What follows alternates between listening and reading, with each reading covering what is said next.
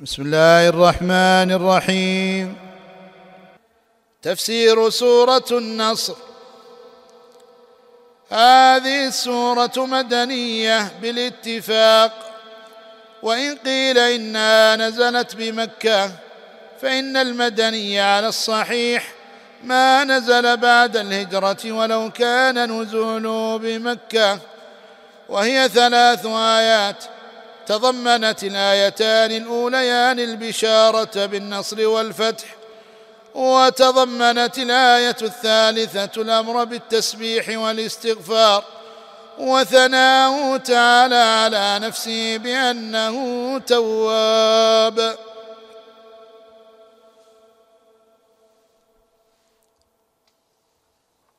الآيات إذا جاء نصر الله والفتح ورأيت الناس يدخلون في دين الله أفواجا فسبح بحمد ربك واستغفره إنه كان توابا. تفسير الآيات الخطاب في هذه السورة للنبي صلى الله عليه وسلم فقوله إذا جاء نصر الله والفتح أي إذا جاء نصر الله لك وللمؤمنين أي إعانته لكم وإظهاركم على الكافرين من قريش وغيرهم ونصر الله مصدر مضاف إلى فاعله. والتعبير بإذا الذي هو ظرف لما يستقبل من الزمان يفيد تحقق هذا المجيء. والنصر معلوم أنه لا يكون إلا من الله كما قال تعالى وما النصر إلا من عند الله وأضافه إلى نفسه المقدسة للدلالة على أنه نصر عظيم يهزم به العدو وأشنع هزيمه ولذا ولذا وصفه بالعزة في قوله تعالى وينصرك الله نصرا عزيزا. والفتح أي فتح مكة. الذي وقع في رمضان من السنة الثامنة إذ دخل النبي صلى الله عليه وسلم مكة في عشرة آلاف مقاتل فاتحا خاشعا شاكرا يقرأ سورة الفتح ويرجع في قراءتها وهو على راحلته فأظهره الله على قريش.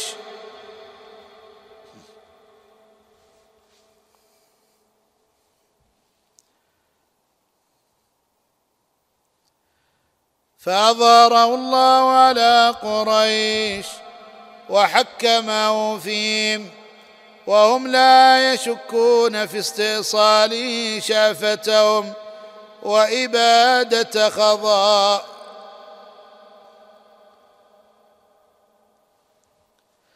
وهم لا يشكون في استئصاله شأفتهم وإبادة خضرائهم. إذ لقي منهم ما لقي من الشدائد ولكنه عليه الصلاة والسلام بعد النصر والفتح المبين قال لهم وهو على باب الكعبة وهم بين يديه ينتظرون حكمه فيهم ماذا ترون أني صانع بكم ۖ؟ ماذا ترون أني صانع بكم؟ فقالوا أخ كريم وابن أخ كريم فما زاد على أن عفى عنهم وصفح. وقال أقول لكم كما قال أخي يوسف لا تثريب عليكم اليوم. اذهبوا فأنتم الطلقاء. فهذا الفتح فهذا الفتح هو الفتح الأعظم الذي أعز الله به المؤمنين واذل به الكافرين وطهر الله به بيته من الرجس والأصنام. ولهذا سماه الله فتحا مبينا في قوله إنا فتحنا لك فتحا مبينا وهذه السورة سورة النصر. نزلت قبل فتح مكة على الصحيح ولقد وقع ذلك كله كما أخبر الله به فكان ذلك مصداقا لنبوة محمد صلى الله عليه وسلم ومعجزة من معجزات القرآن. وعطف الفتح على النصر وعطف الفتح على النصر من عطف المسبب على السبب لأن النصر سبب للفتح. قوله ورأيت أيها الرسول والرؤية قلبية بمعنى علمت ويحتمل أنها بصرية ورأيت الناس يدخلون في دين الله أي الإسلام. كما قال تعالى إن الدين عند الله الإسلام. أفواجا جمع فوج أي جماعات كثيرة فيسلمون من غير قتال. وهذا كناية عن انتشار الإسلام وذهاب أمر الجاهلية وانتهاء سلطان قريش وأتباعها. ولهذا قال أبو سفيان يومئذ يا رسول الله أبيحت خضراء قريش لا قريش بعد اليوم. ثم إن القبائل بعد فتح مكة جعلت ثم إن القبائل بعد فتح مكة جعلت تتوافد نحو المدينة داخلة في الإسلام زمرا زمرا من عرب الحجاز ونجد واليمن وشرق جزيرة العرب. حتى سمي ذلك العام وهو التاسع من الهجرة عام الوفود. وكانوا قبل ذلك يسلمون أفرادا واحدا بعد واحد. روى البخاري في صحيحه عن عمرو بن سلمة رضي الله عنه قال كانت العرب تلوم أي تنتظر.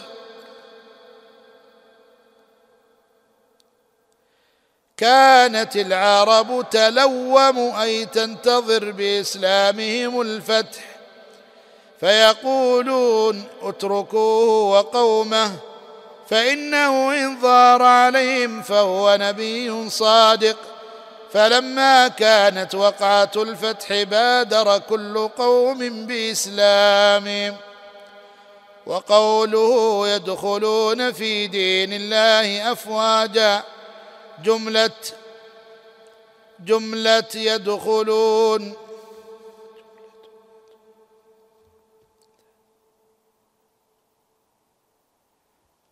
وقوله يدخلون في دين الله أفواجا. جملة يدخلون حالية إن كانت رأى بصرية أو مفعول ثان إن كانت رأى علمية. وأفواجا حال من الواو في يدخلون. قوله تعالى فسبح بحمد ربك الفاء رابطة لأنها واقعة في جواب إذا المتضمنة معنى الشرط. والمعنى نزه ربك بقلبك ولسانك أي قل سبحان الله والحمد لله. ونزهه عن كل ما لا يليق بجلاله وكماله من النقائص ومنها العجز فإنه تعالى هو الذي نصرك على أعدائك وهو على كل شيء قدير. والباء في بحمد ربك للمصاحبة متعلقة بحال محذوفة أي سبحه حال حمدك له أي بالثناء عليه بجميع ما هو اهله من صفات الكمال والجلال. لأن لفظة بحمد أضيفت إلى معرفة ربك فتعم جميع المحامد من كل وصف كمال وجلال ثابت لله. فتعم جميع المحامد من كل وصف كمال وجلال ثابت لله. ومن رحمته سبحانه أن علمنا صيغ الحمد ولم يترك لنا انشاها إذا لفات على غير الفصحاء أن يحمدوا الله كما يكون الحمد. ولكن جاءت النصوص في الكتاب والسنة وفيها صيغ كثيرة للحمد. فالحمد لله على ما هدى وعلم. وفيها صيغ كثيرة للحمد. فالحمد لله على ما هدى وعلم وفي ذكر اسم الرب ربك إشارة وفي ذكر اسم الرب ربك إشارة إلى أن ما حصل من النعمة بالنصر والفتح ودخول الناس في دين الله أفواجا. هو من آثار ربوبيته تعالى الخاصة بالنبي صلى الله عليه وسلم وأن ذلك كله من آثار ما أنعم به عليه من النبوة والرسالة عليه الصلاة والسلام. قوله واستغفره أي اساله المغفرة فإنها نهاية الخير إنه كان توابا. أن يتوب على من تاب وتواب صيغة مبالغة. لكثرة من يتوب من يتوب الله عليهم. لكثرة من يتوب الله عليهم. وكثرة توبته على العبد نفسه. ومن كرمه تعالى أنه يوفق العبد للتوبة ثم يتقبلها منه. فيكون العبد كمن لم يذنب كما قال صلى الله عليه وسلم كيوم ولدته امه في أحاديث وهو تعالى لم يزل توابا لم يحدث له هذا الوصف بعد أن لم يكن فكان هنا بصيغة الماضي لا مفهوم لها.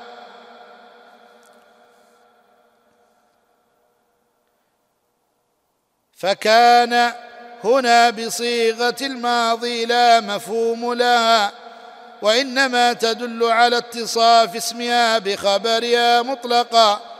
وهكذا ما كان مثلها مما ورد في اتصاف اسمها بخبرها مطلقا. وهكذا ما كان مثلها مما ورد في أسماء الله وصفاته. نحو ان الله كان غفورا رحيما وكان الله سميعا بصيرا فانه سبحانه لم يزل كذلك وقد امتثل النبي صلى الله عليه وسلم أمر ربه مذ نزلت عليه السوره قالت عائشه رضي الله عنها ما صلى النبي صلى الله عليه وسلم صلاة بعد أن نزلت عليه. إذا جاء نصر الله والفتح إلا يقول فيها سبحانك ربنا وبحمدك اللهم اغفر لي. وفي لفظ قالت يتأول القرآن أن يفعل ما أمر به. وهذه السورة آخر ما نزل من سور القرآن كما قال ابن عباس وفيها الإشارة إلى دنو اجله عليه الصلاة والسلام حيث أمر بالاستغفار والاستغفار تختم به الأعمال الصالحة كالصلاة وغيرها. وقد أتم الله نعمته على نبيه ومكنه من تبليغ رسالة ربه وما مات عليه الصلاة والسلام. وفي بلاد العرب كلها موضع لم يدخله الإسلام. فهو تعالى يقول لن فهو تعالى يقول لنبيه صلى الله عليه وسلم إذا جاء نصر الله والفتح ورأيت الناس يدخلون في دين الله أفواجا فاعلم أنه دنا أجلك فأكثر من التسبيح والاستغفار وإلا فمقتضى السياق في الظاهر أن يكون فاشكر الله على ذلك وفي الآيات تنبيه للعاقل إذا قرب اجله أن يكثر من الاستغفار والحمد. قال ابن عباس رضي الله عنهما لما نزلت إذا جاء نصر الله والفتح حتى ختم السورة قال نعيت قال نعيت لرسول الله صلى الله عليه وسلم نفسه حين نزلت. قال فأخذ بأشد ما كان قط اجتهادا في أمر الآخرة. وفي صحيح مسلم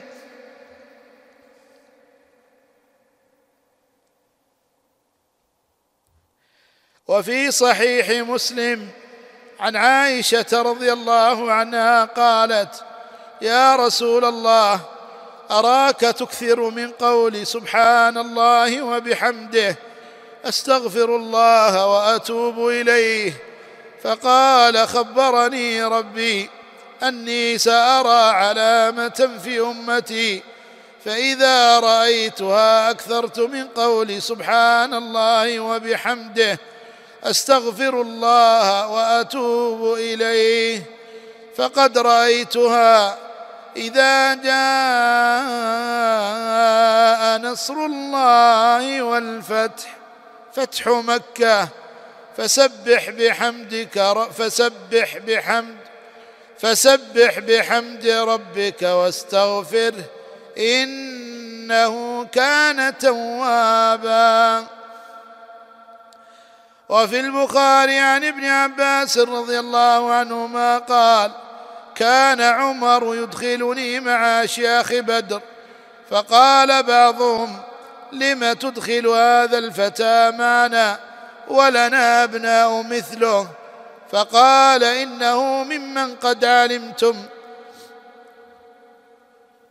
فقال إنه ممن قد علمتم. قال فدعاهم ذات يوم ودعاني معهم.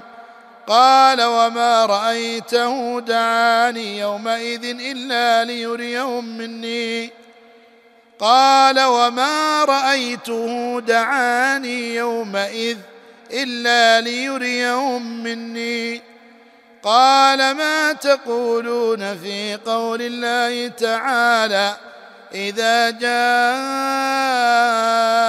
نصر الله والفتح فقال بعضهم أمرنا أن نحمد الله ونستغفره إذا نصرنا وفتح علينا.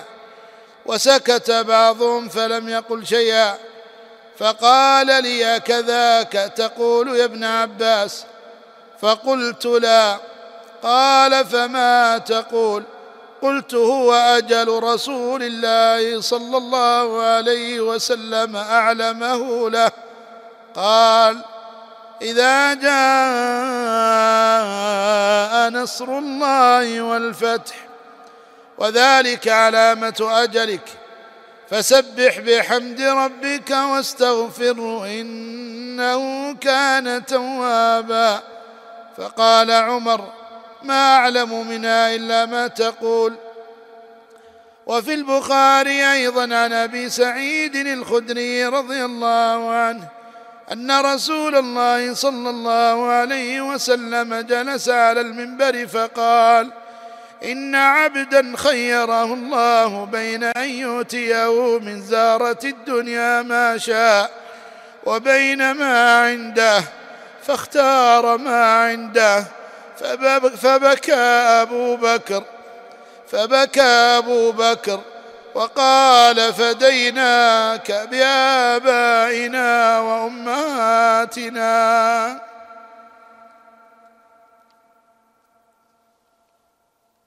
فكان رسول الله صلى الله عليه وسلم هو المخير وكان أبو بكر هو أعلمنا به.